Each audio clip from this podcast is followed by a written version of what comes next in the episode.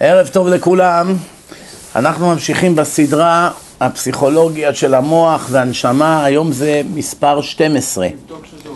כן, אנחנו, אנחנו ממש אה, מתקרבים לקראת סוף הסדרה, לדעתי יש עוד שתיים, מקסימום שלוש דרשות ומסיימים את זה. אם אתם זוכרים, בפעם שעברה דיברנו על דבריו של רבי ישראל מסלן, סיימנו את השיעור. שאדם שמתחיל ללמוד מוסר בשלב ראשון, ילמד את המוסר בצורה שטחית. פירוש, לא יתעמק על כל מילה ומילה, שורה ושורה, כמו שאנחנו עושים בסדרה הזאת, אלא יעבור על ספרי המוסר, כגון חובת הלבבות, כגון מסילת ישרים, כגון מסילת ישרים וכולי, ואחרי שהוא עובר על זה ומקבל הבנה בסיסית, אז בשלב יותר מאוחר הוא יתעמק יותר בשיחות המוסר, בספרי המוסר, על כל עניין ועניין. בזה סיימנו שבוע שעבר. היום אנחנו ממשיכים. יש מצווה ביהדות, תתפלאו, שהאדם יחייך. צריך לחייך לאנשים. אבל לא להיות אה, שותה, כל הזמן צוחק מכל שטות. כן? לוחץ על כפתור, מתחיל לצחוק. צריך להיות לחייך עם טעם, מה פירוש? כן? פירוש לא להראות לאנשים פנים תשעה באב. זה המצאה ישראלית, פנים תשעה באב. למה? הרבה פעמים אדם לא יודע שאתה עצוב בגלל דברים אחרים. איך שאתה נכנס, רואה, איך שאתה נכנס ואתה רואה אותו ככה, אתה כבר חושב, כנראה הוא לא אוהב אותי, שונא אותי, אז כנראה הוא חושד בי, ואז ממילא מתפתחת או ששנאה או איבה בין אנשים, כן? ולכן אחד המצוות תמיד להסביר פנים, גם ליהודים וכמובן אפילו לגויים, למה? כיוון שאם אתה אנטיפט ואתה לא מראה להם פנים, או שאתה מתנהג אליהם לא יפה, או שהם עונים, אתה לא, הם מדברים, אתה לא עונה וכולי, זה יוצר איבה בין הגויים לבין עם ישראל. למשל, יש הרבה הלכות שהתורה אמרה שאתה צריך לעשות אותם רק ליהודים, אבל מפני דרכי שלום גם לגויים. למשל גוי בא לגמח של יהודים, אומר אני רעב, תנו לי אוכל. הכסף נאסף בשביל לעזור לאחינו, לא לאנשים זרים. אבל אם גוי כבר בא דפק ורוצה לאכול, נותנים לו משום דרכי שלום, כן? אז רואים שיש הרבה דברים בתורה שמשום השלום ההלכה כביכול נכנעת למושג הזה שנקרא שלום, שזה אחד משמותיו של הקדוש ברוך הוא שלום, כן, זה מה שאומרים בסוף התפילה הכי חשובה, תפילת שמונה עשרה, עושה שלום במרומיו, וכדי לעשות שלום צריך קודם כל לחייך לאנשים, להסביר פנים, להיות אדיבים. הרבה פעמים אתה בא לבנק, יש כל מיני פקידים ופקידות, יש את האחד הזה שאתה אוהב ללכת אליו או. או אליה. למה הם מחייכים, הם מדברים יפה, יש להם סבלנות, מסבירים פנים, שלום, מה שלומך, איך האישה, ילדים, כל מיני דברים כאלה. אפילו שזה לא, לא מעלה ולא מוריד כלום, זה נותן לבן אדם הרגשה יותר נוח, נוחה ונינוחה, כן? וממילא זה דברים חשובים. עכשיו היית חושב, טוב, זה סתם עניין של נימוסין. זה לא רק נימוסין, אלא זה ממש חיוב מן הדין. כתוב שהקדוש ברוך הוא בא בטרוניה לקין. קין עכשיו רצח את אחיו הבל, הרצח הראשון בהיסטוריה. אז אה, לפני שהוא רצח אותו, מה סיבת הרצח? קין הביא פשתן, לינן, והבל הביא אה, צמר של הצאן, הוא היה רועה, והשם קיבל את המתנה של הבל, את המנחה של הבל, ולמנחה של קין לא שעה. משמע לא התעניין במנחה של קין. קין הביא כל מיני פשתים מהשדה, הוא היה עיקר, והקדוש ברוך הוא לא כל כך התעניין במנחה שלו, אלא דווקא את של הבל הוא לקח. אז קין לקח ללב, הוא קינה מאוד, ומה קרה? בואו נראה מה, מה קרה. הקדוש ברוך הוא בא אל קין, ואל קין ואל מנחתו לא שעה.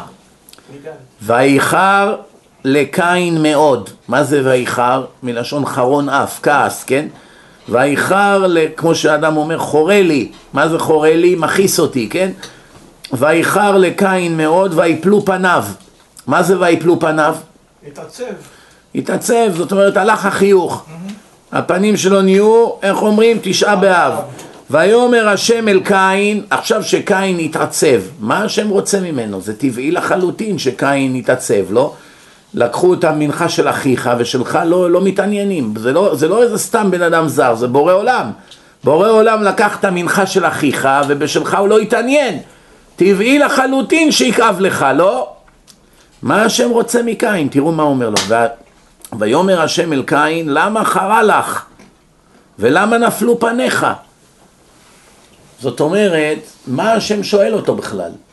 איזה מין שאלה זאת? אם עכשיו יש לך שתי ילדים, לאחד נתת גלידה, לשני לא, והשני עכשיו הוא בוכה, אז אתה צריך לשאול אותו למה אתה עצוב?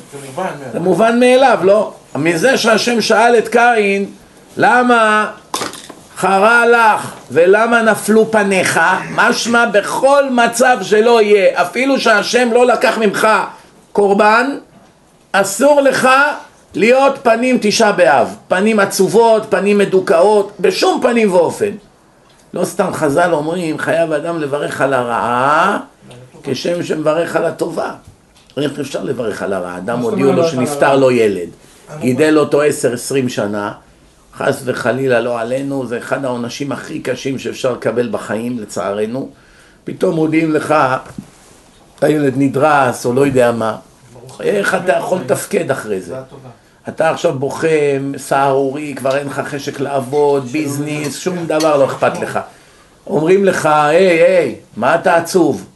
תצא עכשיו, תברך. עוד מעט היו אומרים לך לברך שהחיינו. כן? מה צריכים לברך? ברוך דיין האמת. כן. ברוך, זה כמעט כמו שהחיינו, מה זה שהחיינו? דיין האמת, לברך את השם. אז האדם אומר, אני יכול עכשיו לברך את השם. תראה, אני לא בא בתלונות אל השם, כי אני ברוך השם אני ברוך השם הבנתי את העולם ואני הבנתי שכל מי שנפטר זה רצון השם ואם השם החליט לקחת מישהו מן העולם תמיד הוא יודע מה הוא עושה אז לבוא בתלונות להשם ודאי אני לא בא אבל להגיד לי שאני אהיה שמח? מה אתה רוצה שאני ארקוד?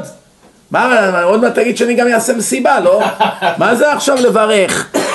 אבל זה החיוב רבותיי, זה מדהים, מזעזע כל הגוף, זעזוע ככה מצפים ממך, שתצא החוצה ותגיד ברוך אתה השם אלוקינו מלך העולם דיין האמת. היום לא אומרים את זה עם שם ומלכות, כן, אבל רק שתדעו, אני מברך אותך שאתה הוא, הוא הגון, ישר, דיין אמת. מה זה דיין אמת? בן אדם היום נותנים לו איזה הערה, אפילו שהוא יודע שזה אמת. אה, אני, אני הייתי פה לפניך, למה אתה מתחמן? למה אתה עוקף בתור? הוא יודע שזה אמת, והוא עדיין מתעצבן. מי אתה שתגיד לי, נכון? אז מה בעצם יוצא מפה? שהקדוש ברוך הוא בא לקין ברגע הכי כואב שהיה לו בחיים. לא לשכוח, קין היה מוצר טרי. הם לא היו עכשיו פה מבריאת העולם, הם, כמה זמן כבר עבר, הם, הם לא הספיקו עוד לראות כלום, אין היסטוריה, אין, אין, לא. אין לימוד, אפילו לא ידעו מה זה להרוג. לא ראו בחיים שאדם הורג בן אדם. הם ידעו מה זה להלב גם כן. או, אז אתה רואה שבאופן טבעי קין לקח ללב, קינה מאוד, ואז השם בא אליו בתלונה למה? למה נפלו פניך? למה אתה... פעם הבאה תתאמץ יותר ונקבל את הקורבן שלך וגם אם לא, מה אתה מתעצבן? מה אתה עצוב, כן? מה רואים מכאן? שאפילו קיבלת בשורה רעה, מיד אתה חייב לעבוד על עצמך, להמשיך לתפקד ולחייך, לא להראות לאישה, לא לצער אותה, לא לדבר ליד הילדים. הרבה פעמים האדם איבד איזה קליינט גדול בעבודה. עכשיו הוא בלחץ, וואו, זה 40 אחוז מהביזנס. הוא בא הביתה מצוברח, שבור, ממורמר, אין לו חשק לאכול, יושב, מעשן, עצבני, ואישו מתחילה לשאול, והיא גם כן נכנסת ללחץ, ואז היא מוסיפה לו לעצבים, איך אומרים, מקדחה. היא מתחילה לקדוח, היא גם כן בלחץ, הוא בלחץ, והיא מלחיצה אותו עוד יותר, ואז הוא מתפרץ עליה, ואז מתחילים לריב, ואז הילדים שומעים, ואז הוא אומר לה מה קרה, ואז כולם נכנסים ללחץ, ועכשיו מה יהיה, ויש לנו הרבה הוצאות, ועוד מעט בר מצווה, ועוד מעט חתונה, ו... רק רע יוצא מזה. לעומת זאת, אם האדם בוטח בהשם, וממשיך לחייך, ושלב, ורגוע, ויודע כל מאן דעביד רחמנא לטב אביד, כל מה שהשם עושה תמיד זה לטובתי. גם שנראה עכשיו שאני בגיא צל מוות, לא יירא רע. למה? כי אתה עימדי. אם זה היה מקרה טבע, איזה רולטה סתם מסתובבת ונפל עליי הגורל, אז ודאי שאני אוכל את הלב, למה דווקא עליי? אבל אם זה הכל בחשבונות שמיים, אני יכול לכעוס? אני יכול להיות עצוב. ואז אומר רבי אייזק, תשמעו טוב, הקדוש ברוך הוא שואל את קין, למה נפלו פניך? מאיפה קין היה אמור לדעת איך נראים פניו? אתה אמרת משהו דומה מאוד, אמרת איך בכלל הוא ידע מה זה, מה זה להיעלב, כן, אבל פה הקדוש ברוך הוא בא ואומר לקין למה נפלו פניך, קין יכול היה להגיד לו מה זה נפלו פניי, מאיפה אני יודע איך פניי לא נראים, אני מגיב איך שהלב שלי אומר, מה, מה עשיתי, לא יודע, אני עצוב, כן, ו- ויש עליו תביעה, למה נפלו פניך? למה אתה פנים תשעה באב, כן? לא. על כורחך שקין היה צריך להסתכל במראה זאת אומרת בים, בים, במים, להסתכל איך הוא נראה ולדעת שיש לו פנים נפולות, אחרת מה השם רוצה ממנו?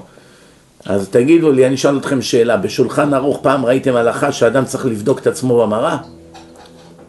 מילא אדם שלא יהיה מרושל, שהכפתורים סגורים והכל זה כן, אבל להסתכל במראה? איפה ראינו כזה דבר? יש לזה הפשטה אחרת. סליחה, מה רואים מכאן? שיש על האדם חיוב לבדוק את עצמו כל הזמן, איך הפנים שלו צוהלות, שמחות, לכולם מסבירים פנים או לא. וככה הוא הרגיל אותי לחייך. הראש ישיבה שלו, רב אייזיק, תמיד היה אומר לו, רב שלוימו, רב שלוימה, למה אתה לא מחייך? אתה בור ברשות הרבים. אתם יודעים מה זה בור ברשות הרבים? בזמנם אנשים היו עושים בורות באדמה, מחביאים שם דברים וסוגרים את זה, כן? או שמצניעים, אין לי עכשיו כוח לסחוב את זה בדרך, אני עוד מעט אחזור, כשאני אחזור אני אקח את זה, אנשים לא היו נוגעים, היה יושר. אני עושה פה בור בצד הדרך, סוגר את זה, זהו, זה פרטי, אף אחד לא ייגע, זה כמו בנק, כן? ואז מה? אם אדם שם בור ולא כיסה אותו, ונפלה שם איזה בהמה, הוא צריך לשלם על הנזק. אם הבור הוא עשרה, עשרה טפחים, טפח זה ככה, אתם רואים בערך נגיד כן. עשרה, שנים עשר סנטימטרים, בערך מטר, מטר ועשרה זה עשרה טפחים. גובה כזה ומעלה, עומק, סליחה, עומק כזה ומעלה, אתה חייב על הנזק. אם עשית סתם בור קטן והבהמה סתם נפלה רגע מעדה, זה לא נורא, היא לא נפלה עם כל הפנים בתוך הבור, כן? אז יש לזה הדינים, הגמרא דנה בזה, במסכת בבא קמא. אז עכשיו השאלה היא כזאת, המושג הזה בור ברשות הרבים, הכוונה מכשול לרבים, תזכרו, שמשתמשים בזה בדיבור מכשול לרבים. אומר לו הראש ישיבה שלו, תדע לך שאתה מכשול לרבים. אומר לו, למה? אומר לו, כשאתה הולך עם פרצוף עצוב ברחוב, אתה גורם לאנשים נזק. אנשים מתחילים לחשוב מה עשיתי לו, למה הוא ככה, מי יודע מה עשיתי, אולי הוא כועס שאני יושב פה, אולי הוא כועס שאכלתי לפניו, אולי הוא כועס שלא ביקרתי אותו, אולי ככה, אולי המתנה שהבאתי לו לחתונה של הבן שלו לא הייתה מספיק, כבר אלף מחשבות עוברות לו בראש. ואלה דברים שגורמים בין האנשים מתיחות, על כלום. אז מכוער הוא על כלום. מכשול ברבים. לא, מכשול, מכוער זה לא אשמתו, לא אשמתו, אבל מכשול ברבים. למה? אדם שמסתכל גם אה, מתבאס, רואה משהו לא יפה, לא, רואה משהו יפה. אבל אין טענה על אותו מכוער, יודעים שזה לא אשמתו, מה? זה השוואה לא טובה. בקיצור, אומר לו אתה בור ברשות הרבים. כשאתה הולך עם פרצוף עצוב ברחוב, אתה גורם לאנשים נזק. זה מוסר השכל לכולנו. עכשיו, יש מושג כזה שאדם צריך כבוד. עכשיו, אל תהיו גיבורים ותגידו לי, לא נכון, אני ענב, אני לא צריך כבוד. נכון, יש בזה דרגות. יש אנשים רק חיים בשביל הכבוד. דקה אחת לא יהיה להם כבוד, הם כבר ישרפו את העולם, כמו המן. הנה עכשיו המגילה, המן היה כל הזמן רוצה שישתחוו אליו. אחד לא משתחווה אליו, מיליונים משתחווים אליו, אחד לא משתחווה אליו, מה הוא מוכן לעשות שואה לעם שלם? לשרוף ילדים, זקנים, אנשים, גברים, נשים. למה יהודי אחד מהעם לא מש... שאר היהודים משמע כן משתחווים לו. אחד לא משתחווה לו, הרב הגדול מהסנהדרין. תן, תן קצת כבוד, מה, סוף סוף זה רב גדול, יושב בסנהדרין, זה לא צחוק. מרדכי. אז מרדכי לא משתחווה לו, הוא מוכן עכשיו לשרוף את כולם בשביל זה. מסתובב כולו בחמתו בערה פה, ומה הוא אומר לאשתו? כל זה איננו שווה לי כשאני רואה את מרדכי יושב בפתח המלך, כשאני רואה את מרדכי הזה לא זע ולא משתחווה, כל מה שיש לי לא שווה כלום. למה? אחד פוגע לי בכבוד. הבנתם? למשל זה כמו אדם שקנה עכשיו איזה מזנון יפה ככה מעץ, יפה, מבריק, יקר, עבודת יד והסבלים הביאו עד שנכנס לבית, רק נהיה בזה שריטה. כבר הלך לו כל החשק מהרהיט. שילם על זה אלפי דולרים. אה, עזוב, לא בא לי על זה, טוב, תחזירו את זה, לא רוצה. למה, מה קרה? יש פה שריטה קטנה. טוב, מצווה את זה, לא, לא, הלך לי החשק. לא רק הוא רואה. רק הוא רואה, הלך לי החשק. הלך לי החשק. אני פעם הלכתי לבור פארק, יש שם גלריה. גלריה של תמונות שמן יפות, כל מיני רבנים, זה... הלכתי לשם, אני רואה בחלון, כל תמונה, הון עולה, הון. מאות דולרים כל תמונה. אמרתי, יפה מאוד, וגם אני צריך כאלה תמונות, אבל בסגנון של זה, כמו שאתם רואים פה.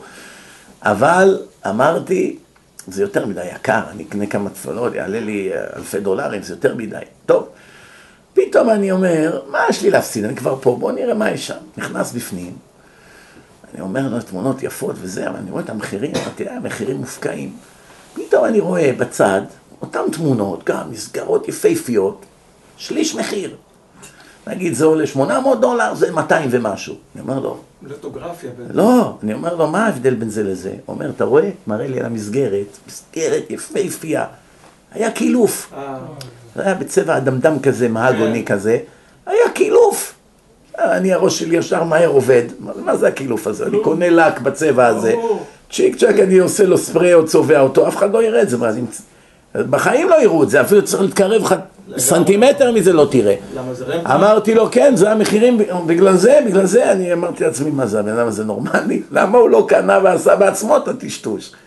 אבל מה נעשה, ברוך השם אנחנו באמריקה, הארץ ישראלי כבר היה מטשטש את זה, מוכר לך את התמונה כפליים, הוא אומר זה אני אומן, גם אני השתתפתי באומנות, כן, אבל ברוך השם הוא תמים וזה, קניתי את כל התמונות עם הקילופים והשריפות, אולי שש, שבע תמונות במחיר של שתיים. מהר הלכתי, הבאתי זה, עד היום אחד לא ראה. אחד לא ראה שהיה לזה איזה... עכשיו אני אבוא אליך, אם אני... תחפש לא תמצא. תחפש לא תמצא. לכן מה אני אומר?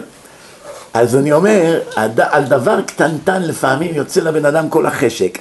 אז הוא אומר לו, תשמע טוב, הוא אומר לו, תראה, אדם צריך כבוד. אבל אדם שרוצה כבוד גם צריך להיות חכם ממי לקבל כבוד. אתן לכם דוגמה. ממי אתה מעדיף לקבל כבוד? מבן אדם או מכלב? בן אדם. בן אדם, נכון? למה? אם הכלב מכבד אותך שאתה בא, הוא עומד לכבודך על שתיים, ככה שמח. אה, ואם בן אדם בא ואומר, או, אני כל כך שמח שבאת לביתי, כבודו, רגע, כבודו, אני שמח כל כך שבאת וזה, והכלב ככה עומד. ממי אתה מתרגש יותר? קודם כל זה לא בטוח, יש כאלה מעדיפים מהכלב, אבל... הכנסת את אשתך ואת הכלב לבגש, פתחת את הבגש, מי יקפוץ עליך פעם ראשונה? הכלב. הכנסת את אשתך לבגש, מזל שאתה עוד חי. אבל תשמעו טוב מה אני אומר. אני אומר... יש מדרגות בבני אדם, נכון? יש אדם פשוט, יש אדם חכם, יש אדם רב גדול, יש אדם גדול הדור, יש כל מיני דרגות בבני אדם. ככל שהאדם יותר גדול והוא נותן לך כבוד או אומר עליך מחמאות, ככה האגו שלך אוכל יותר, אתה שבע הרבה יותר. למה?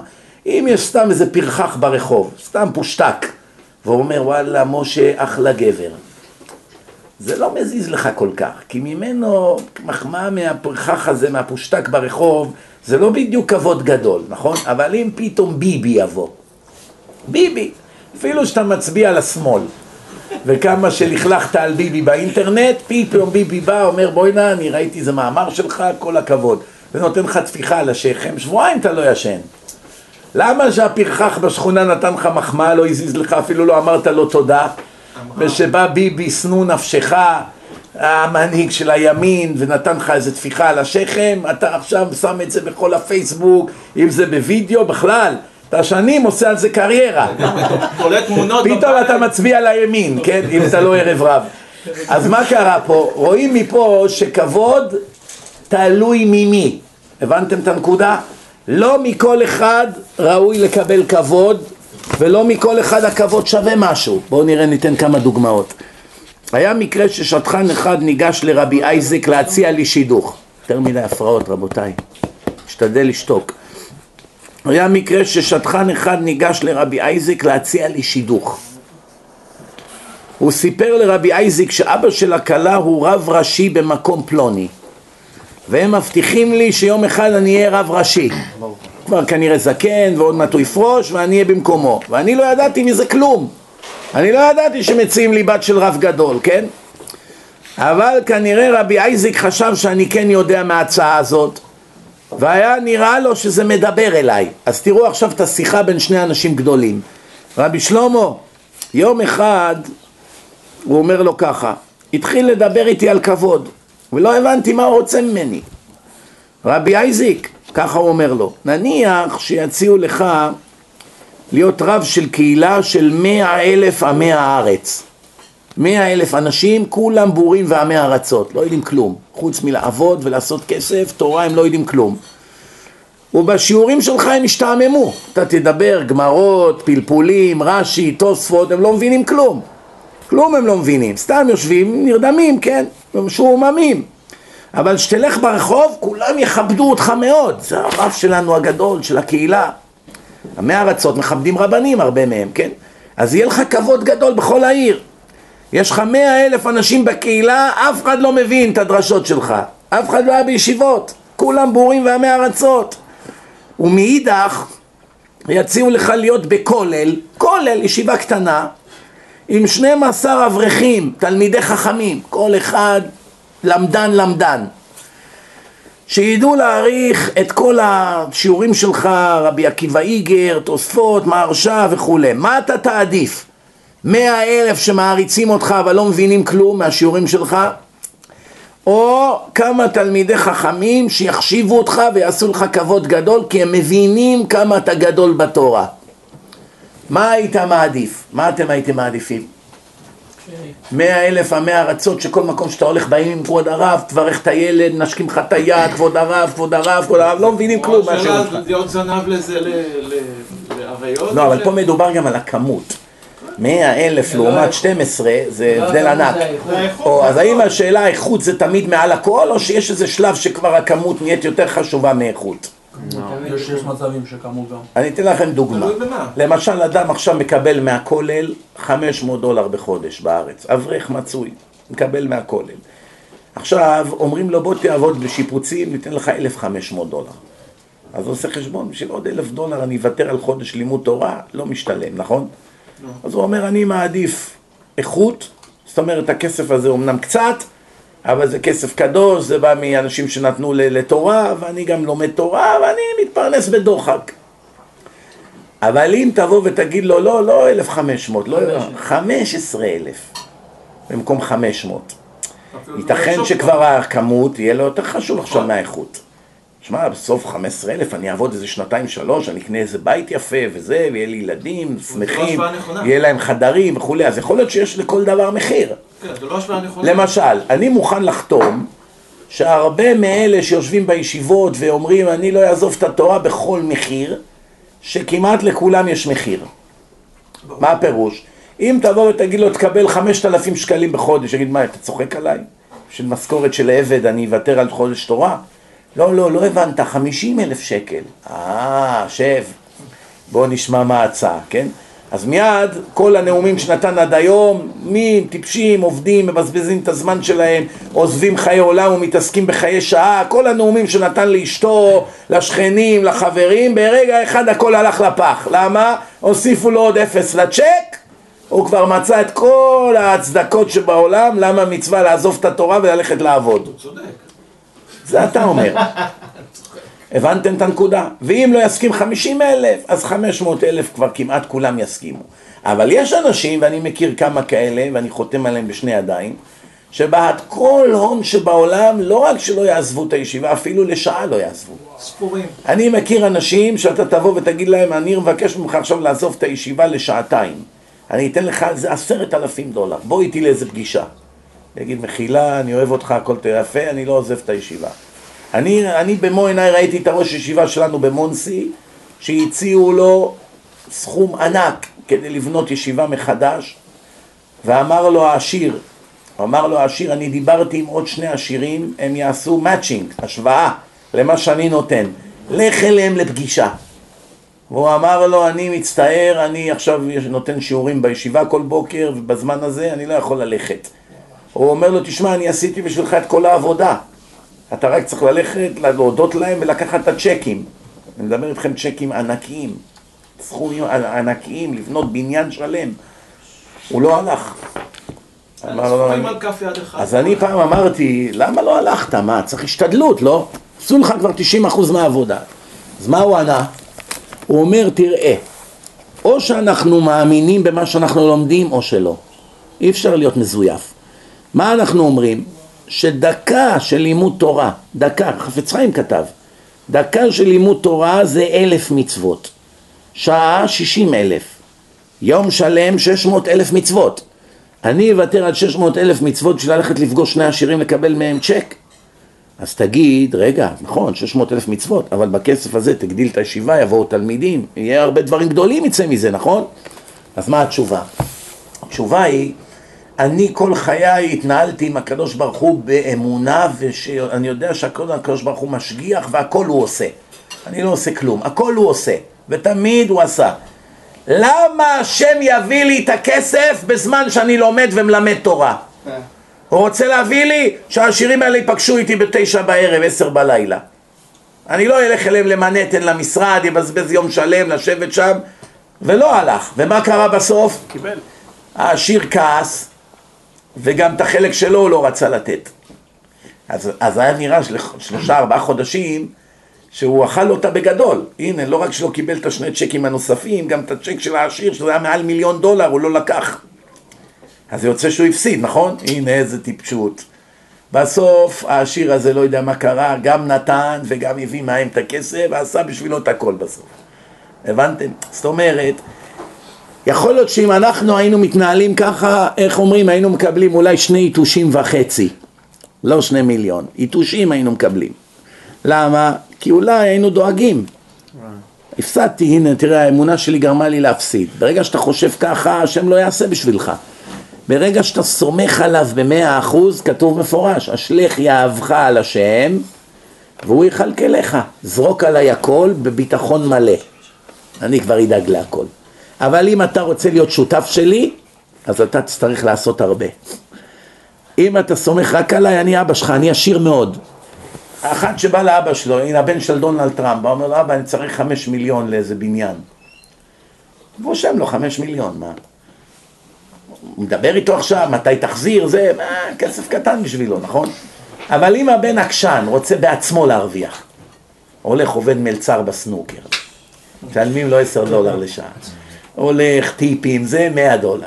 לאן הוא התקדם? עשרים שנה עובד מלצר פה, מלצר שם, נהג פה, נהג שם, משמרת ראשונה, משמרת שנייה, בסוף מה נהיה לו? אולי חסך חמישים אלף דולר, כמו עבד עבד. בסוף אבא שלו אומר לו, תגיד, טיפש, גאפתן שכמוך, עד מתי תלך ראש בקיר? בוא, הכל מוכן לך, רק סמוך עליי, תגיד תודה, תבקש יפה, אני אדאג לך להכל. אוקיי, אוקיי, אבא, נשברתי. אוקיי, אבא, נשברתי, נו תעזור לי. על המקום רושם לו צ'ק 100 מיליון דולר. לך, תקנה, תעשה, ת... לך. אומר, אה, מטומטם, אני עשרים שנה עובד כמו עבד, לא עשיתי חמישים, זה נתן לי בדקה 100 מיליון דולר. למה אני נותן לכם את המשל הזה? ככה זה בדיוק עם השם. השם אומר לך, אני לא צריך שתעבוד, אני לא צריך שתהרוג את עצמך, רק טיפה השתדלות תעשה, כי כתוב כי יברכך השם אלוקיך בכל מעשה ידיך. משמע משהו אתה צריך לעשות, קצת השתדלות, וזהו. ותישן טוב, ותהיה רגוע, ותאכל, ואל תחסוך למחר, כל מי שיש לו פת בסלו היום ואומר מה נאכל מחר, הרי הוא מקטני אמונה. הלכה זה בגמרא. אם אתה עכשיו יש לך מהאוכל, אתה אומר בוא נשאיר קצת למחר. אולי מחר לא יהיה מה לאכול. אל, אל תגמרו הכל, תשאירו קצת למחר. זה אדם שאין לו אמונה. ככה היה במדבר. נתתי לך מן היום, למה אתה שם למחר? מחר יהיה עוד פעם, אתה לא סומך עליי? מה, היום אני אאכיל אותך ומחר אני אריב אותך למוות? המדבר זה המדבר, זה תקופה אחרת. לא משנה, אדרבה, קל וחומר. אם במדבר. אם במדבר יש עלינו תביעה, מה אתה משאיר מן למחר, שבלי השם אי אפשר למצוא אוכל במדבר, זה לא כמו פה, אתה עוד יכול ללכת לשטוף כלים באיזה מסעדה, להרוויח, כן? או ללכת להגיד, אני מצטער, אני רעב, תנו לי משהו לאכול, ייתנו לך שאריות, לא? תיכנס לאיזה, מס... לאיזה מטבח של מסעדה, תגיד, יומיים לא אכלתי. מה, אלה ששוטפים שם כלים, לא יביאו לך... אני חי ולא חושב על המחר. לא, לא, אז אני אומר, מה... אני אומר, אנחנו... לא, לא, כמו לא, שהלבן לא. והיום השחור. יש הבדל בין מה שאתה אמרת. נו. הם, עושים את זה מטיפשות, לא מאמונה. יפה, אז אנחנו לא צריכים לחשוב על המחר. אנחנו, העם היהודי הוא לא בדיוק עם טיפש. ואנחנו תמיד חושבים על המחר. ודואגים לעתיד, ותוכנית חיסכון כזאת וכזאת, ומה יצא לי מזה וכולי, ואף על פי כן השם אומר לך, עם כל החשבונות שלך, הכל עור ופרח. אתה סומך עליי, אני אעשה בשבילך הכל. אתה רוצה בעצמך, כוחי ועוצם ידי עשה לי את החיל הזה, אתה תזיע!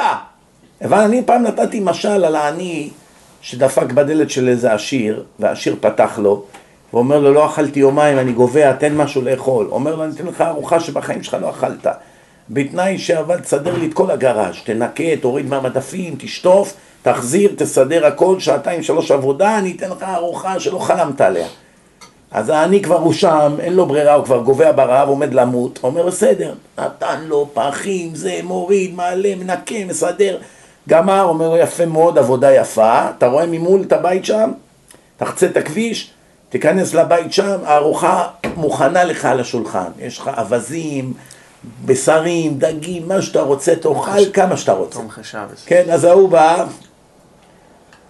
אז ההוא בא לשם, נכנס לחדר שם, הוא רואה באמת סעודת מלכים. אומר, לא יאומן, איזה כמה אוכל, פש, פירו, זה, אוכל, נחנק, מכניס בכיסים, בנעליים, עומד כבר ללכת, פתאום אחד מלמעלה משתעל. אומר לו, אני בחיים שלי לא ראיתי כזה כפוי טובה פה. הוא מסתכל עליו, אומר לו, מה? אומר לו, אכלת פה שעתיים, לא ראיתי אדם שאוכל כל כך הרבה. ועוד הולך בלי להגיד תודה? אז הוא מסתכל עליו, אומר, קודם כל לא ראיתי אותך. ודבר שני, למה אני צריך להגיד לך תודה? מה, אתה נותן לי בחינם? אני עבדתי כמו עבד בשביל זה. מה? אומר לו, עבדת? איפה עבדת? אומר לו, מעבר לכביש. אומר, או, גם עליך הוא עבד. גם עליך הוא עבד. אומר, מה זאת אומרת? הוא אומר, פה זה בית תמחוי. זה של עניים, כל מי שרוצה נכנס, אוכל והולך. מה, ההוא כל פעם שדופקים לו בדלת, מנצל אותנו. מעביד אותם, שולח אותם לאכול פה. אז העני הזה הרג את עצמו, אומר, מה, כל זה יכולתי לקבל בחינם ועבדתי כמו חמור? זה המשל של החיים. עכשיו, במשל הזה, העני זה הבן אדם, העשיר זה היצר הרע, וזה שעומד למעלה במדרגות זה הקדוש ברוך הוא. ועכשיו בן אדם אומר אני צריך לעבוד, ללמוד, ללכת לאוניברסיטה, להוציא תואר ראשון, להוציא תואר שני, יחפש עבודה, יעבוד כמה שנים, יתקדם, יקבל קידום, גיל חמישים יקנה בית. זה גם היום כבר אי אפשר בכלל לקנות בית, אבל אז עוד אפשר היה. גיל חמישים יהיה לי בית שלי משולם, זה החלום שלו, כן? בסוף אומרים לו טיפש, היית רק מתפלל קצת, מבקש, סומך עליי, אני הייתי קונה לך בית. זה אותו דבר החיים. אתה יכול להרוויח הכל בעבודה, בלימודים, בעמל, בקריאה, להרוג את עצמך, עוד עבודה, עוד, עוד, עוד, כוחי ועוצם ידי. אתה יכול לדעת שהכל זה בא מהשם, ואין לך מה להרוג את עצמך, ואתה עושה קצת השתדלות ומתפלל, וזהו. אבל כמו שתעזור לעצמך ואני אעזור לך. אז אמרתי. אז אמרתי. קצת השתדלות לעשות. יפה. פירוש, אתה, אתה בביזנס, תעשה איזה שיחת טלפון שתיים. פגישה שתיים נכון, בחודש.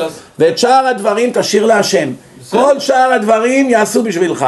אוקיי. אבל לא ייתכן, זה כלל שצריכים לדעת אותו, לא ייתכן שהשם יביא לך הזדמנות להרוויח כסף על חשבון מצוות. זה אך ורק בא מהשטן, תזכרו. אם מציעים לך לעזוב את הישיבה בשביל עבודה, זה עצת היצר הרע. אם מציעים לך לקצץ בשעות הלימוד, עצת היצר הרע. אם מציעים לך עבודה שהיא לא כשרה, שיש בה רמאויות, הונאה של לקוחות, כל מיני שקרים וכולי, זה לא עצת השם. זה הניסיון של החיים.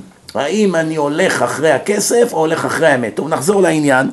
אז אמרנו, כבוד, הכל תלוי ממי.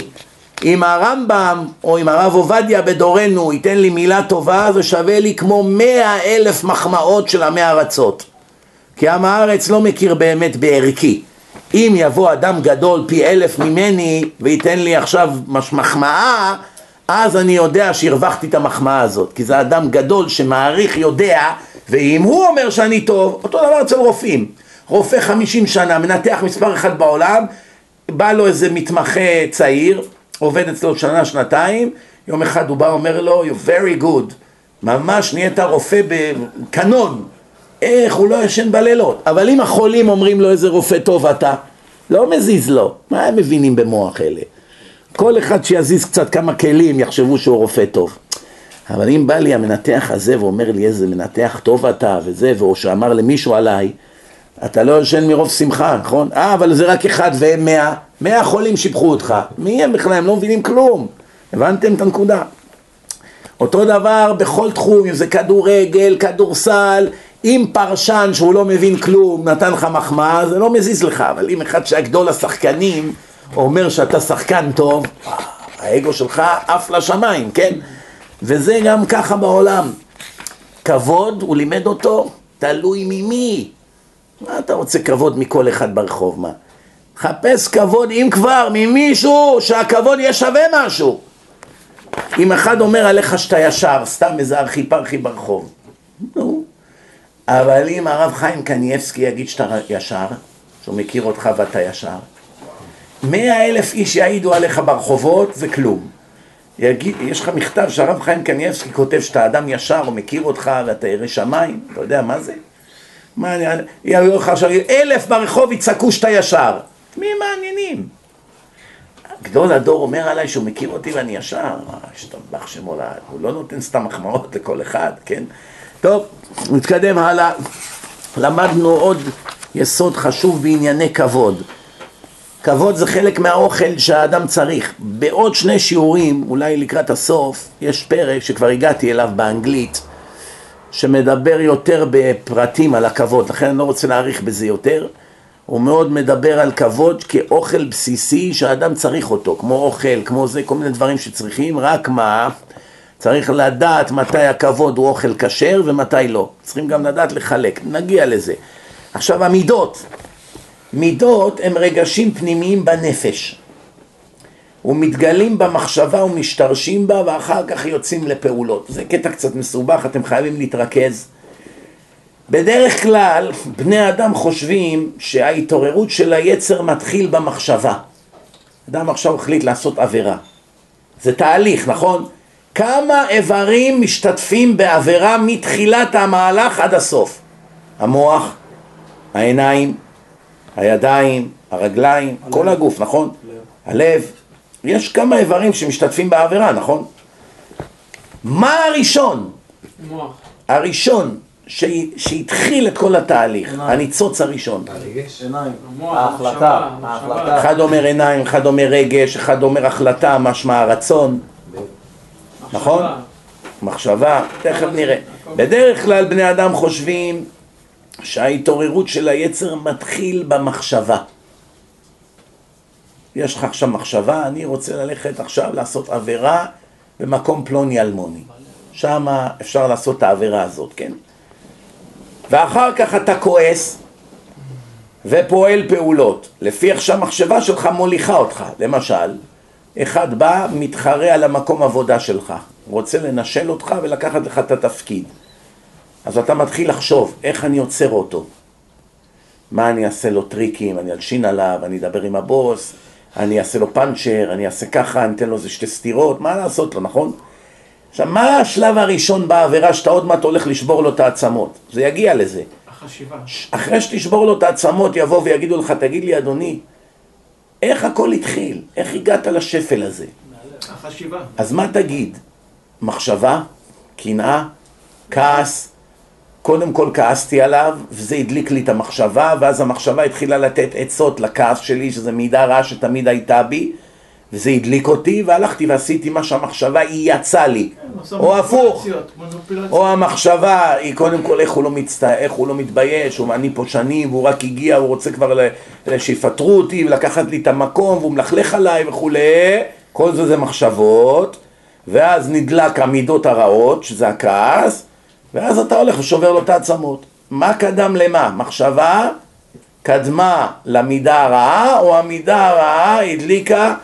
את המחשבה. או יש עוד משהו, רצון. מחשבה. בואו רגע נעשה סדר. יש רצון, דברים שאתה רוצה. אתה רוצה עכשיו ללכת לעשות עבירה. אתה רעב, אתה רוצה ללכת לאכול חזיר. החלטת, אני רוצה עכשיו לאכול חזיר. עכשיו אתה מתחיל לחשוב איך אני אלך, איפה, בשעה כזאת, מה, שלא יראו אותי, לא נעים, זה כל זה מחשבות. אז מה היה? קודם כל רצון. עכשיו המחשבה מתחילה לתכנן, ואז אתה עובר לפעולה, או שלא, הפוך.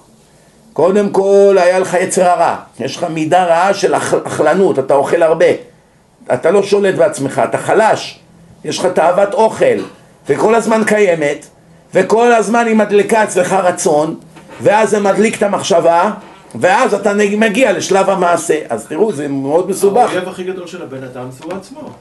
כן, אבל זה כללי מדי. זה כללי מדי. אנחנו מחפשים אוקיי. עכשיו משהו יותר יסודי. תכף אני אתן לכם את התשובה אחת לתמיד, נבין איך זה עובד. בדרך כלל בני אדם חושבים שההתעוררות של היצר מתחילה במחשבה. ואחר כך אתה כועס, קודם כל איך הוא עושה כזה דבר, איך הוא לא מתבייש, ואז אתה מתחיל להידלק, והכעסנות שבך נדלקת, כמו שאתה מניע מכונית, הוא מתחיל, מתחילה להתחמם, כן? ואז אתה עובר לשלב הפעולה, ככה כולם חושבים. לפי איך שהמחשבה שלך תוביל אותך. שבור לו, תעשה לו, תגיד לבוס, תתקשר למשטרה, תתקשר לאשתו, דבר איתו, קח אותו בפינה, ישר תרד עליו באיזה אגרוף. לסרטים בראש. כן, כל הסרטים האלה בראש, ככה חושבים. דהיינו, השלב הראשון של ההתעוררות מתחיל במחשבה, כן? שאני חושב לכעוס עליך. והשלב השני זהו הרגש, שהרגשות מתחילים. והרגש הוא תוצאה של המחשבה והיא מייצרת את הכעס. ואולם האמת בדיוק להפך. שימו לב טוב. קודם כל היצר פועל. יש לך יצר, והכעס הוא, הוא רגש פנימי עמוק שקיים בך כל הזמן, הוא רק כרגע במצב עוף, הוא כזה, כרגע במצב עוף, פאסיב.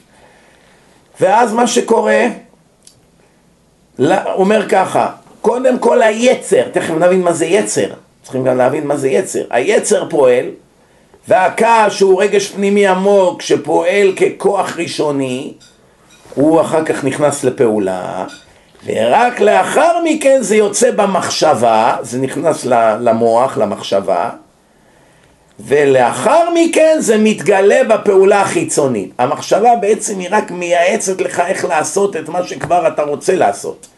אתה רוצה לנטרל את הפושטק הזה. הוא בא לשים לי גלגל, בגל, אה, מקל בגלגלים, אני צריך להגן על עצמי מפניו. זאת אומרת, זה היצר שלך, אני אראה לו מה זה, נדלק. שהדליק את הכעס, ואז אתה מתחמם כולך אדום ובוער, ועכשיו המחשבה מתחילה לעבוד, רגע, יש כמה דרכים איך לפעול נגדו. אולי תקרא למשטרה, לא כדאי.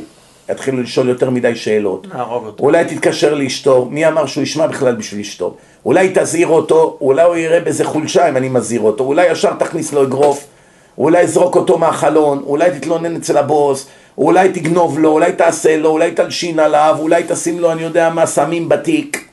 מיליון דברים עוברים לך בראש. מאיפה באים כל הרעיונות האלה? subconscious. מניפולציות העצמיות. מאיפה כל הרעיונות האלה באים? sub. איזה, איזה כוח בבריאה מייצר את המחשבות הרעות או הטובות? לפעמים זה מחשבות טובות. אני אלך עכשיו לישיבה, אני אתן כסף לעני הזה, שמעתי שאין לו מה לאכול בחג, כמה לתת לו? 100, 200, 500, לתת לו ליד כולם? לא כדאי, אני אתן לו את זה במעטפה, אני אשים לו במעיל, אבל אולי מישהו יגנוב את זה, לא, אני אולי אלך הביתה, אני אדבר עם אשתו, אולי אני זה, אולי אני, אולי אני אקנה לו כבר ישר את האוכל, אולי אני אלך לסופרמרקט, ישלם את החוב שלו, כבר עוברים לך מיליון מחשבות, כן? אז לטוב ולרע, מאיפה זה בא המחשבות האלה? זה השם עושה את זה או לא? Fact זה השטן עושה את זה? זה מלאך. הטוב עושה את זה? זה המוח שלך מייצר לבד מחשבות? המוח. Yeah, you have a free choice. That's why. הכל המוח. free choice is the decision. free choice, בסוף מה שתבחר מכל הרעיונות האלה זה אתה, ועל זה שופטים אותך. אבל כל הרעיונות שמיוצרים לך במוח, מאיפה זה בא? שתי היצרים.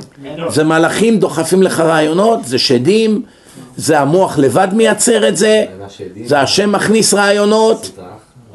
זה דברים שראית בחיים, עכשיו כולם פתאום צפים לא, על פני המים. זה steam ו frustration אישי, כל זה. זה יוצא לך תלוי... It's a combination of everything. אתם רואים דבר כזה חשוב ואף אחד מכם אין לו מושג, לא מימינו ולא. משמאלו. שתי יצרים. לא. יצר הטוב, יצר הרע. איך אפשר לחיות, להיות צדיק בדבר כזה שאנשים אפילו לא יודעים דברים כל כך בסיסיים? אני שואל אתכם. אני אומר לך. איך אפשר? תגידו לי אתם כמה בעלי תשובה בעולם יודעים לענות על השאלה הזאת ששאלתי אתכם עכשיו? אף אחד. אנחנו לא בעלי מאיפה אתה תשובה. שואל את השאלה הזאת? מתוך אמונה עכשיו לענות לך, או מתוך רבי? בסיס אה, אינדיבידואלי? זאת השאלה. רגע, רגע, money. שנבין, אתה שואל את זה מבסיס אמונתי עכשיו, או בסיס אינדיבידואלי? ידיעתי. לא ידיעתי. אמונה, אז כל אחד יש לו אמונה אוקיי. של עצמו. אוקיי. צריכים לדעת מה התורה אומרת. אוקיי.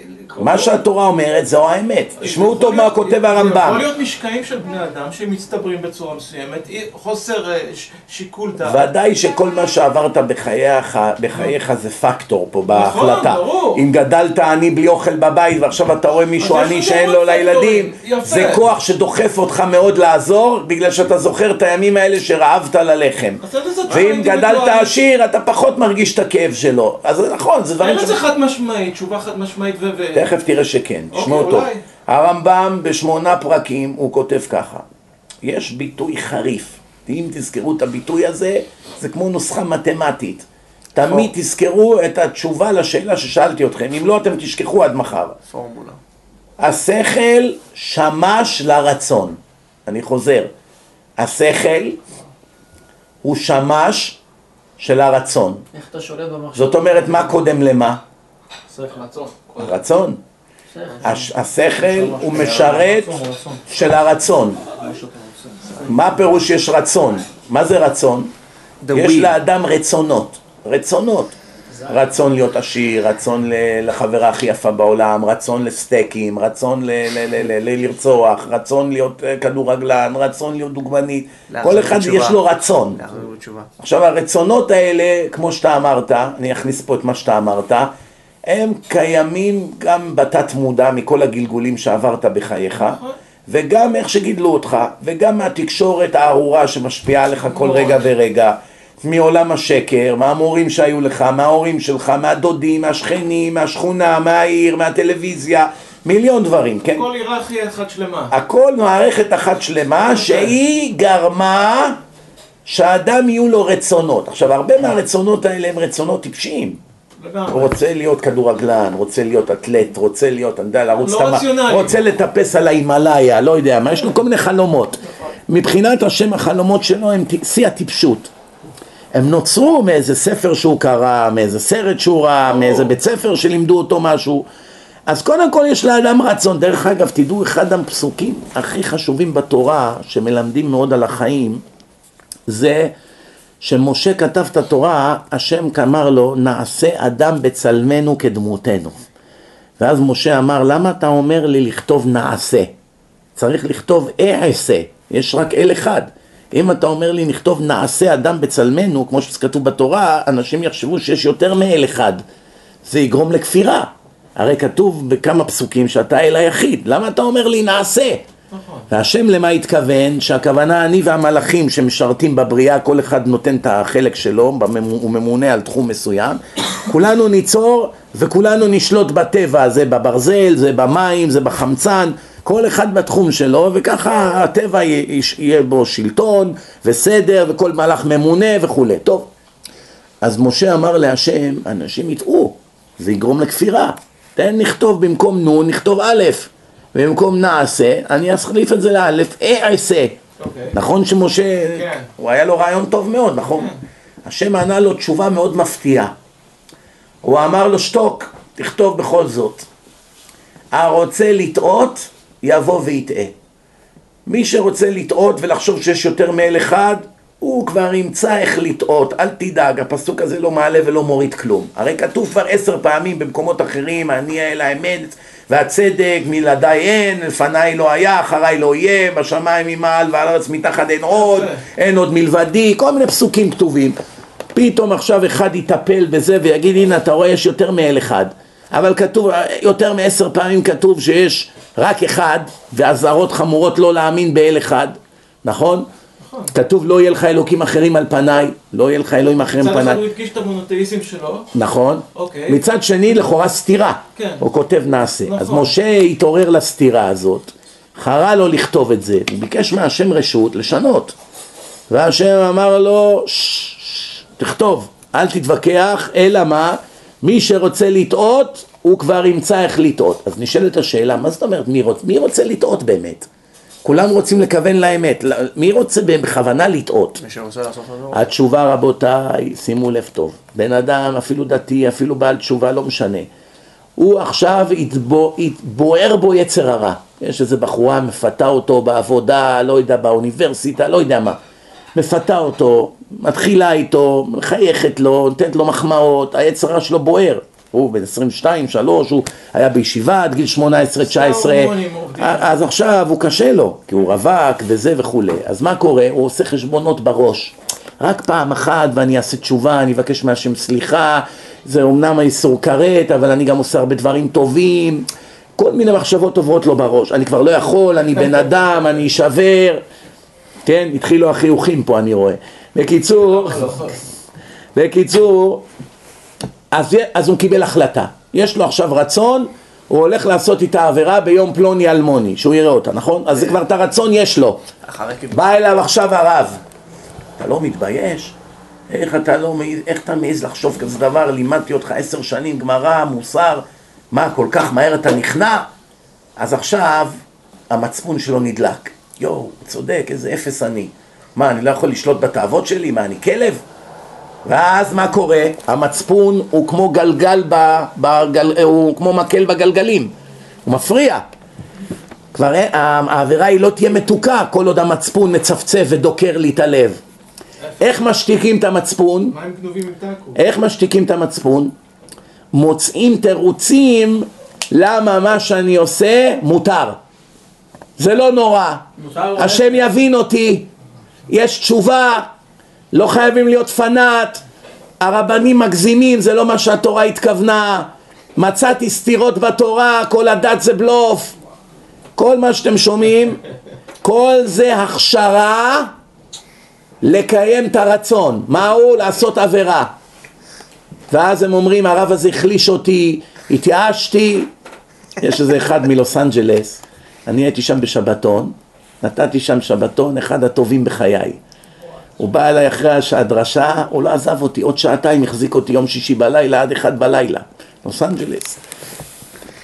הבן אדם התמגנט, חזר בתשובה מלאה, איש אמת ככה. עברו שלושה שבועות, שומר שבת הכל, קשה לו עם הסיגריות. הורג את עצמו עם הסיגריות בשבת. פתאום התחיל לזייף. סיגריה פה, סיגריה שם.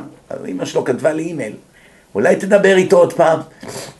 הוא מתחיל להיחלש, הוא עוד מניח תפילין, הוא שומע דרשות, הוא מתחיל לרדת בשבת. דיברתי איתו, עוד פעם התחזק, עוד פעם נפל, עוד פעם התחזק, עוד... ראיתי שהוא הפכפך, הוא לא... אמרתי, תשמע, אחד כזה חייבים להביא אותו לכמה חודשים לישיבה, אין ברירה, הוא צריך את היסודות, אין לו את היסודות, הוא שם לבד וזה. בסוף, פתאום אמא שלו התחילה להגיד שעכשיו הוא מתחיל לדבר דברי כפירה. אני לא חושב, זה לא יכול להיות, זה ככה וזה. אז הוא אמר לה פתאום משפט, הוא אמר לה, אני עכשיו הבנתי מהדרשות של הרב שאני מקרה אבוד. כל העבירות שעשיתי בחיים שלי, ייקח לי כך וכך זמן לתקן, אין לי את הכוח לזה. אפ, במילים אחרות, תרדי ממני.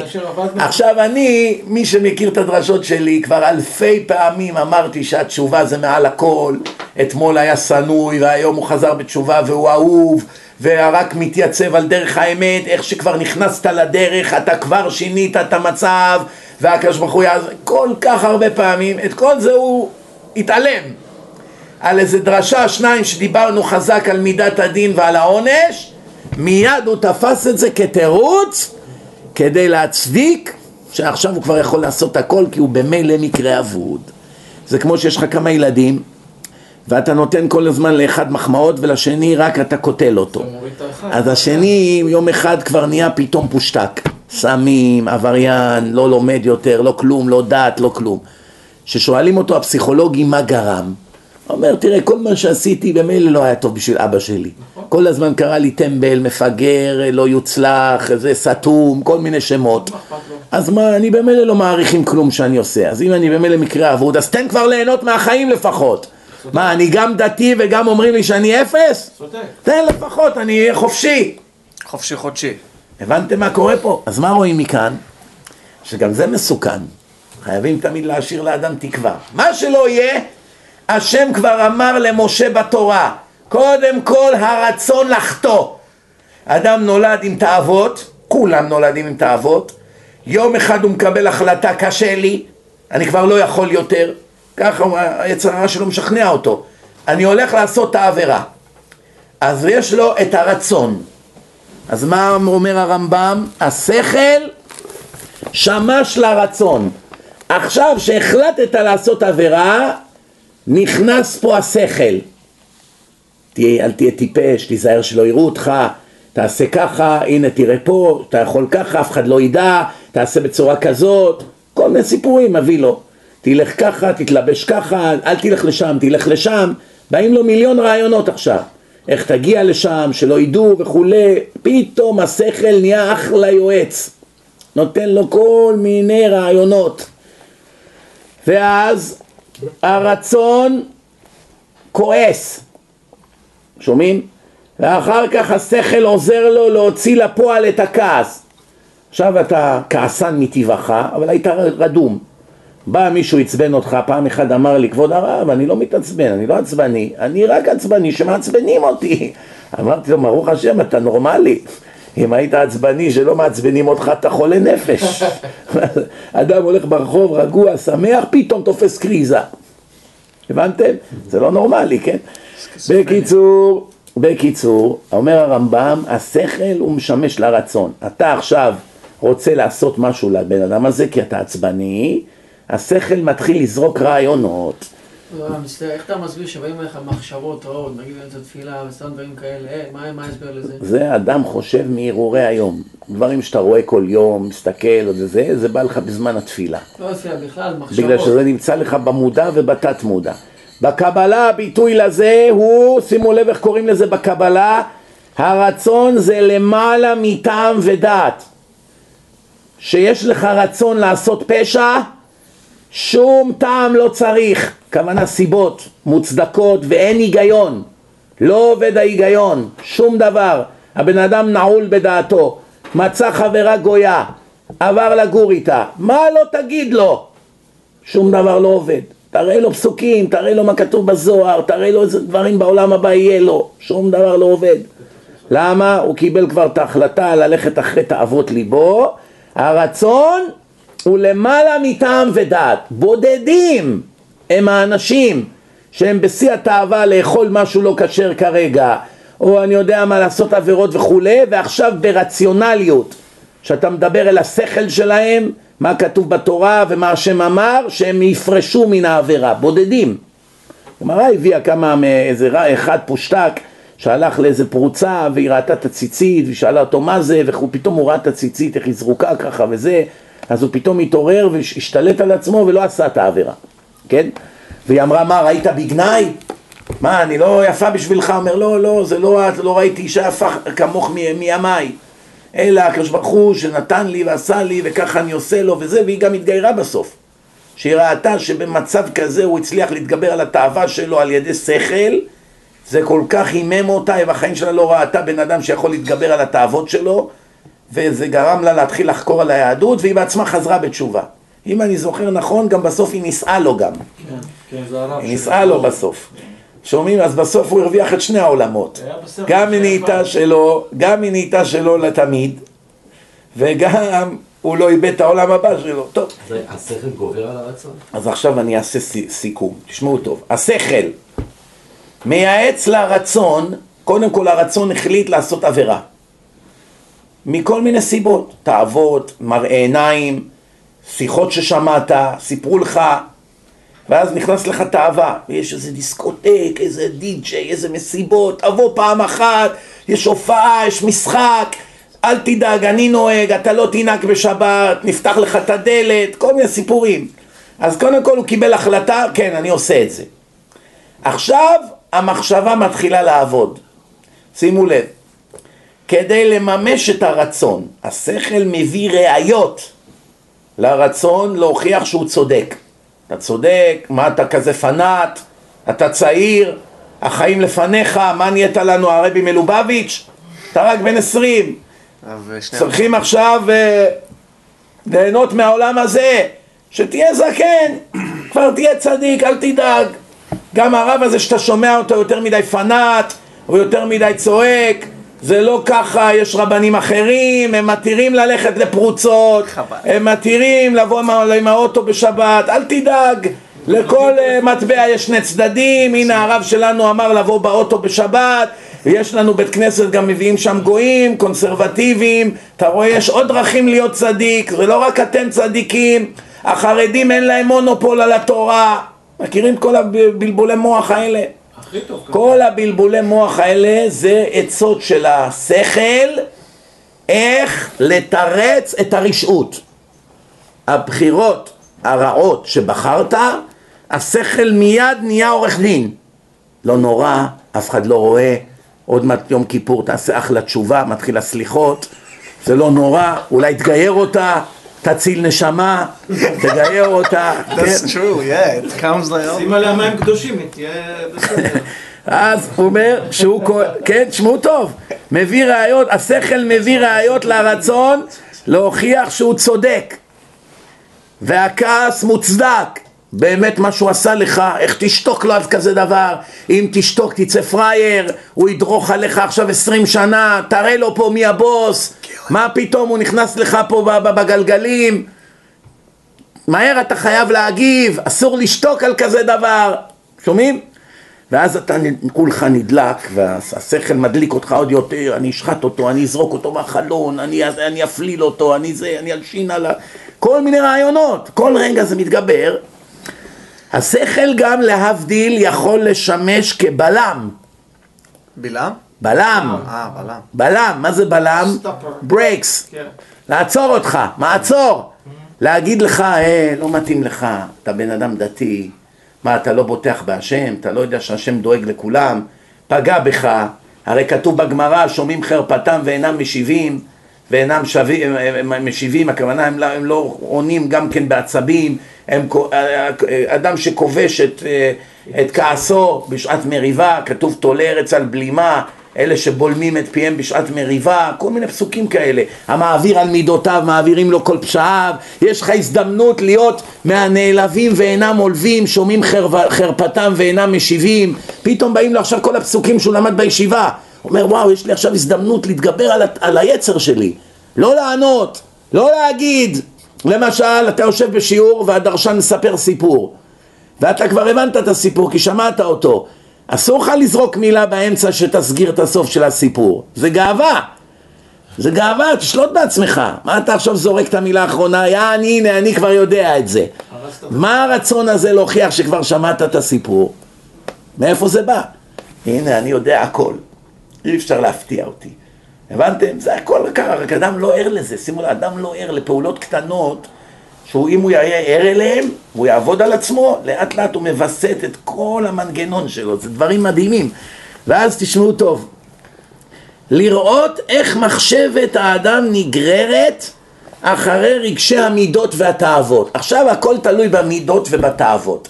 אם למדת שנים מוסר ובישיבות טובות והיה לך מורים רבנים צדיקים והיית צמוד לאנשים קדושים בזמן שפוגעים בך יש לך את הכוחות להתגבר. למה? המחשבה שלך היא טהורה והיא מייעצת לך דברים טובים. אל תענה לו. שב בשקט. תן לו שיעליב אותך. אשריך. אתה עכשיו מגיע למדרגות הכי גבוהות. תשאיר אותו להשם. אתה יכול לפגוע בו, אבל השם יפגע בו פי אלף יותר. אל תענה לו. שתוק. תתגבר. זה מאיפה בא? אם לא מלימוד. אחד שלא למד, לא היה בישיבות, הוא יכול לשתוק בזמן מריבה?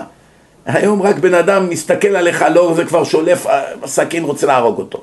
או בטעות לקח לו את החנייה, כן?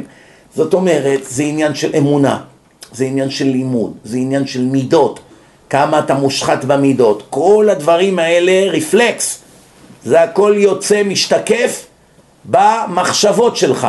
אם המחשבות שלך בזמן שאתה עכשיו, היצר הרע שלך נדלק, המחשבות שלך הן טובות, תשתוק, אתה אדם גדול, לא מתאים לך ככה לענות, אל תתייחס אליו, זה סתם פרחח, לא כדאי שתענה לו, יהיה חילול השם, כל מיני דברים כאלה. סימן שאתה, המחשבה שלך היא טהורה. אבל אם המחשבה שלך תגמור אותו, תשחט אותו, תזרוק אותו, תפרסם אותו, תכתוב עליו באינטרנט, תרצח אותו, זה מראה מי אתה. זאת אומרת, המחשבות של האדם מראות על המהות שלו. אבל מחשבות הן רק השתקפות של מי אתה. כן, אם אתה. צדיק ועבדת על עצמך ונהיית קדוש ונקי וחסיד, תמיד המחשבות שהמוח שלך ייצר זה בייסט על מה שאתה למדת כבר. דברים שלמדת הם שקועים טוב טוב אצלך בתוך המוח. אבל אם רק ראית סרטי פשע ואלימות וגנגסטרים ועולם תחתון ושוחטים ויורים ודורסים אנשים ולא יודע מה, אז ככה אתה מגיב כמו חיה. איך במומה אחר. איך שחינכו אותך, איך שהתחנכת על ידי הסרטים שראית והשטויות ובעולם הבלוף שחיית בו, ככה זה משתקף מהנפש שלך, מהמחשבה. דהיינו, סיכום, לפני שמסיימים, סיכום, אם אני כועס עליך, שימו לב טוב לסיכום. אז המחשבה שלי עליך תהיה תמיד שלילית, בלי קשר לאמת. עכשיו אתה עצבנת אותי, פגעת בי, אמרת עליי לשון הרע, אתה מחוק אצלי. מחר עכשיו רוצים להציע אותך לתפקיד ראש העיר, ואתה תהיה אחלה ראש עיר. אתה יוזם, אתה דוחף, אתה תעשה, אתה אדם ישר, כל מיני דברים, אני יודע את כל זה. פגעת בי, לקחת לי את המקום, אמרת עליי מילה רעה, אתה כבר מחוק אצלי, אתה ברשימה השחורה. אני לא מסוגל לדבר עליך טוב, לא מסוגל להמליץ בעדך. למה? כי אני אדם שפל. אין לי אמונה, אין לי יראת שמיים, אין לי כלום, אני לא מסוגל להיות הגון. אתה ברשימה השחורה שלי, מוחק אותך עד הסוף. אתה ברשימה הטובה שלי, אני מת בשבילך. אבל מה אם תגלה שהוא פדופיל, החבר הכי טוב שלך? אחלה גבר היה איתך, אין, איך אומרים, כבד אותך, הכל טוב ויפה. גדלתם בשכונה, אכלתם בטירונות מאותו מסטינג. התברר עכשיו שהוא מנצל ילדים. ראית בעיניים שלך. מה עכשיו תעשה? האם האמת תתגבר על מה שאתה חושב עליו בתור, בצורה אינדיבידואלית, לטוב או לרע? אמור, אמור שים להתגבר. הפרדה אמור. לרציונל, יש פה את העניין הזה. בודדים עושים הפרדה, כן, בודדים. של הרציונל. בודדים בגלל שהרבה פעמים זה בא מהתת מודע, שאתה אוהב אדם. הנה עכשיו יש איזה רב אחד בארץ, אל תגידו את השמות, שתפסו אותו בכל מיני מעשים והכניסו אותו לבית סוהר וכל מיני דברים. יש קבוצה של אנשים שלא משנה מה יראו להם, יראו להם וידאו, אפילו וידאו במצלמה נסתרת בזמן המעשים, לעולם הם לא ידברו נגדו. כן, תמיד הוא בשבילם משה. רבנו. הם עיוורים. אז עכשיו השאלה היא כזאת, איך ייתכן? הרי אדם הוא לא מטומטם, הוא יודע שהמעשים, דוגמה, אם מראים לו בווידאו מעשים של בן אדם, הוא רואה בעיניים, או שהוא היה בעצמו עד, וראה בעיניים שלו, אז איך ייתכן שהוא עדיין ימשיך לסבור שאותו אדם הוא צדיק למשל, נכון? אז הנקודה, מה רואים מכאן? ששימו לב, הוא כותב לך את זה פה, אומר, אם אני כועס עליך, הכוונה אם אני שונא אותך, אז המחשבה שלי עליך היא שלילית, בלי קשר לנתונים. שונא אותו. למשל, יש אדם שונא תימנים, כל תימני שהוא רואה פוסל אותו. רעיון עבודה, שותפות, אני יודע מה, דייר רוצה לסחור ממנו דירה. או מרוקאי, או זה, רייסיס זה חלק מדעות שליליות, שיש לך דעות קדומות. ברגע שאתה פיתחת שנאה לעדה, כל אחד מהעדה הזאת, אפילו יגידו לך שהוא מלאך, אני עם אלה לא מתעסק. טעות חמורה, נגד השם, נגד התורה, וגם תקבל על זה עונש חמור, שאתה פוסל אנשים. למשל, יש איזה אחד, שש שנים הוא בזבז בשידוכים. למה? הוא לא רצה בחורה ספרדית. רצה רק אשכנזייה, והוא אשכ... הוא עצמו ספרדי. הוא רצה רק אשכנזייה. עד שיום אחד הוא שמע דרשה שלי, שאמרתי שאנשים עושים את הטעות הזאת בשידוכים. כל אחד מחליט לעצמו איזה עדה הוא רוצה, להשם. מה אתה מחליט בשביל השם? השם קבע מי השידוך שלך, הוא רוצה שתתחתן עם זאת. אתה אמרת, אל תיתנו לי עכשיו ספרדיות, רוצה רק אשכנזיות. השם אמר, אני החלטתי שתתחתן עם הספרדית הזאת, סורית, מרוקאית, לא משנה מה. היא השידוך שלך, זה או היא או תמות רווק. ואתה פוסל. אומרים, יש איזו בחורה צדיקה, פרסייה, יפה, מידות טובות, לא, לא רוצה פרסים. לא, אני לא רוצה ספרדים, רוצה רק אשכנזית אמריקאית. מי אמר לך שהשם ככה רוצה? מי אמר לך? אולי השם דווקא רוצה אחת שאתה שמת עליהם אקס בגלל שאתה סתם גזען מטומטם? ודווקא הוא יחנך אותך דרכה להראות לך כמה טעית. ואתה פוסל מראש? ותפסיק את השידוך שלך ותמות רווק ובסוף תקבל על זה עונש. לא מספיק סבלת 40-50 שנה רווק בסוף עוד תקבל על כל יום שהיית רווק עונש ועל זה שאין לך ילדים אבל אם חשבת שהתיקון שלך הוא להתחתן עם מה שהוא חשב, מי אמר לך לחשוב ככה? מה, נהיית אליהו הנביא? נבואה? מה, אני לא מבין. איך אדם יודע עכשיו אם טוב לו ספרדית, אשכנזית, כזה, כזה? מה, מאיפה אתה יודע? מה? לא יודע. אתה צריך לקחת כל שידוך של בחורה צדקת שמציעים לך. יש לך- ולא משנה איזה עדה היא בכלל. הבנת? ברגע שאדם פוסל אנשים בגלל דעות קדומות, או בגלל כל מיני דברים שהוא החליט בעצמו, אז מה אנחנו רואים כאן? אם אני כועס עליך, או שאני לא אוהב אותך, בלי להכיר אותך אפילו, המחשבה שלי עליך היא שלילית. מיד פיתחתי אליך אלרגיה. ואם אני נינוח ורגוע, אז המחשבה עליך תהיה חיובית. אז אני, המחשבה שלי אליך היא חיובית, כן? ולכן, מסקנה להיום, ככל שהאדם יכיר את כוחותיו הפנימיים, כיצד הם נוצרים, ומה משפיע ומגרה אותם, מה מדליק אותי, מה לא. אני צריך לדעת. למשל, אם שמאלנים מדליקים אותי, ואני מתחיל לברור מאש, אני רואה את הבוגדים האלה, איך הם בוגדים במדינה, להם? אז עכשיו אני יודע שאני עלול לאבד שליטה, אני בסוף אגמור בבית סוהר. אז מה הפתרון? קודם כל לא להקשיב למה שהם מדברים, לא באינטרנט, לא ללכת למקומות שהם נמצאים שם. למה להכניס אותך למקום שתאבד שליטה ותעשה מעשה קיצוני? כמו האברושמי הזה פעם, זרק רימון על השמאלנים. אתם זוכרים שהיה להם איזה מצעד, שלום עכשיו, בא, זרק עליהם רימון, נכנס עשרים שנה בית סוהר. עכשיו הדתי הזה שבא לדקור את הגייז, הוא העניש את עצמו. הוא עכשיו גמר על עצמו, כל החיים יישב בכלוב. וגם מה עשה בזה? רק חילול השם, מה עשה זה בזה? הכל. שומעים? אז מה יצא לו מזה? אז אני אומר, אדם שיודע את החולשות שלו, לא מכניס את עצמו במקומות ששם הוא ייפול. אתה יודע שאתה חזיר? אתה יודע שאתה לא שולט בתאוות האכילה שלך? לא ללכת למקומות ששם תאבד שליטה. אתה יודע שאתה נרקומן?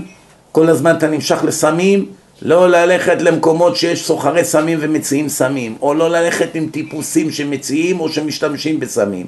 אתה יודע שאתה אלכוהוליסט, אתה רואה וויסקי וכאלה, אתה מתחיל לשתות ולהשתכר ולרקוד על השולחנות, לא ללכת או ללכת עם שומר. כל אדם צריך לדעת את החולשות שלו. אתה יודע שאתה גנב? לעולם אל תלך למקום בלי שומר. שיסתכל מה אתה עושה עם הכסף, כמה יצא. אתם יודעים שהולכים לגבות צדקה, תמיד באים שניים, ככה צריך. שני גבאים של בית כנסת, גבאים של ישיבה, שניים. למה שניים? שאי אפשר אחד שירמה את השני.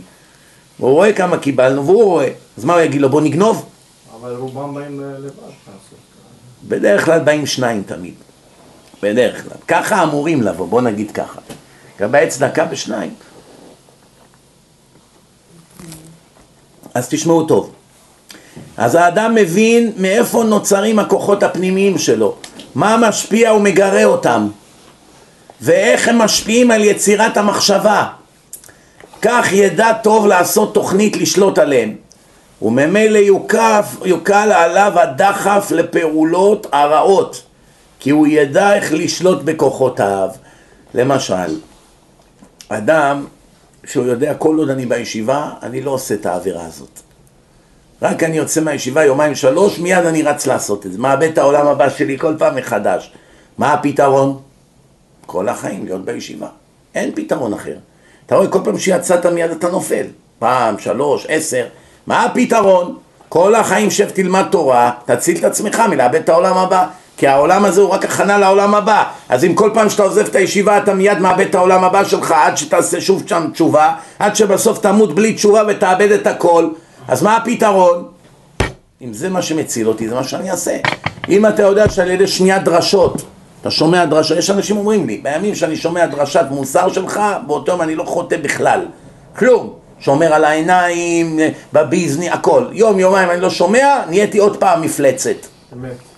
ככה אנשים אומרים, מעידים על עצמם. מה רואים מכאן? אז מה הפתרון? כמו אחד שיש לו אינפקציה, הוא חייב אנטיביוטיקה, אם לא זה יתנפח, הוא ימות. מיד לשמוע, כן?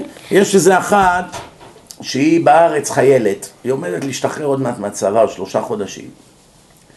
היא בחורה שהייתה כמעט מלכת היופי של ישראל בשנה שעברה, היא כמעט זכתה בתואר. והיא שמעה דרשות, ואחרי זה היא חזרה בתשובה. היא נהייתה שומרת שבת, והיא התחילה להתלבש צנוע, ולשמוע שיעורים וספרים, ובאמת בכיוון. אבל היא ביחידה עם כל מיני קיבוצניקים, אוכלי שפנים, אוכלי לטאות, שהם תופסים שם בשדה. כל דבר הם צולים ואוכלים, אין, מה אין להם. דין ואין להם דיין. כל מה שקצת זז, ישר שמים אותו על הגריל. והיא צריכה לחיות איתם, והם כולם כמעט שם שונאי דת ואתאיסטים, ומדברים ועושים צחוק. והיא עוד בחורה, איך אומרים, שושנה בין החוכים. בקיצור, יש התנגדות אדירה לרצון שלה. מהסביבה, אז היא אוכלת שם סרטים. חברתי. היא ביקשה העברה ליחידה ששם היא תוכל להיות דתייה. כמובן הרבנים שיש בצבא, איך אומרים, השם יצילנו מהם. והרב שם לא לוקח, לא אכפת לו מזה, שהיא תישאר שם מצידו שתחזור להיות חילונית בכלל. וכל שבוע זה מלחמת עולם, אם היא תישאר עוד שבוע דתייה או לא. ואין מה לשפוט אותה בכלל. כל בן אישה אחרת שהייתה שם, אותו דבר, היא לא הייתה יכולה להחזיק מעמד, אי אפשר להחזיק מעמד כשאתה מוקף בכל כך הרבה רשעים. קשה מאוד. לוט הלך לסדום, באותו רגע הוא נהיה רשע. עד אז הוא היה בסדר. אבל בסדום הוא התקלקל. שם הוא הלך לשם, נהיה, אין, אין מה, אולי, איך אפשר להיות שם צדיק, כן? בקיצור, אמרתי, כל פעם שהיא שואלת לך תודה, אני נופלת, אני נחלשת, אני זה, אני אומר לה, שמעת היום דרשות? לא, יומיים לא שמעתי דרשות. תמיד זו אותה תשובה. ברגע שהיא שומעת, היא מיד מתחזקת. מפסיקה יומיים שלוש לשמוע, מיד נחלשת. מה אתה רואה מפה? מה זה כוח המוסר? אין פה חוכמות, רבותיי. אין, אי אפשר להיות בסדום ועמורה בלי מוסר. אין. זה בלתי אפשרי. שומעים? פשוט בלתי אפשרי. וממש דבר אחרון להיום, רבי אייזיק אומר כאן, כל פעולות האדם הן תוצאה מהמידות שהכוחות הפנימיים דוחפים את האדם לפעילות. אחד קמצן, אחד עצבני, אחד קנאי, אחד רודף כבוד. ולכן, אם האדם יכיר את הפעולות בלי שיכיר את השורש, הוא רק רואה מה הוא עושה, אבל הוא לא מבין מאיפה זה נובע. symptoms. כן? הוא רק מתייחס לסימפטומים, אבל לא לשורש הבעיה. יהיה לו קשה מאוד לשלוט ולתקן את מידותיו. בפסיכולוגיה המודרנית, פסיכולוגיה המודרנית, הם הגיעו למסקנה בעצמם שרוב פעולות האדם מונעות מהתת מודע. כל הבחירות שאתה עושה כמעט, הכל בא מהסאב קאנצ'ס, מהתת מודע. ואפילו שהאדם בהכרה חושב שהוא יודע מה הסיבה לפעולה שלו, מכל מקום האמת שעל פי רוב הפעילות של האדם מונעת ומושפעת מהכוחות הפנימיים שמסתתרים בתוכו. זה בא מתוך התת מודע, שבדרך כלל הוא לא מכיר אותם. וזה מה שכתוב בחובות הלבבות, כי רוב ההפסד והתיקון במעשים לא יהיה כי אם מחמתם כפי תיקונם והפסדם. פירוש, כל מה שאתה מפסיד וכל התיקונים שאתה צריך לתקן אף פעם לא יצליחו אלא אם אתה תרד לשורש הנקודה ותבין מה מניע אותך לזה ומה דוחף אותך לזה ומפה תוכל לטפל בשורש הבעיה. אנחנו סיימנו להיום, אני רק רוצה לתת לכם קצת טעימה מהשבוע שבוע הבא. אני רוצה בשבוע הבא לדבר על קושי האדם להרגיש אשם. כשאדם מרגיש שמאשימים אותו במשהו, מיד חיישנים נדלקים אצלו. ולמה האדם סובל מאוד שמאשימים אותו? גם שהוא באמת אשם. למשל אומרים איציק גנב, אבל הוא יודע שהוא היה הגנב, אבל עצם זה שכולם סוברים שזה הוא, למרות שהוא יודע שזה הוא, עצם זה שהם כולם אמרו עליו, זה הורג אותו. זה לא מנחם זה בזה שהם צדקו. מה אתה רוצה? הם אמרו את האמת, הנה הם כלו עליך בול. דברים מאוד חשובים. אחר כך, ההשקפות. יש כל מיני השקפות, אפילו בעולם הדת יש כל מיני השקפות רקובות. יש השקפות, השקפות כביכול חרדיות, הדוקות, קיצוניות.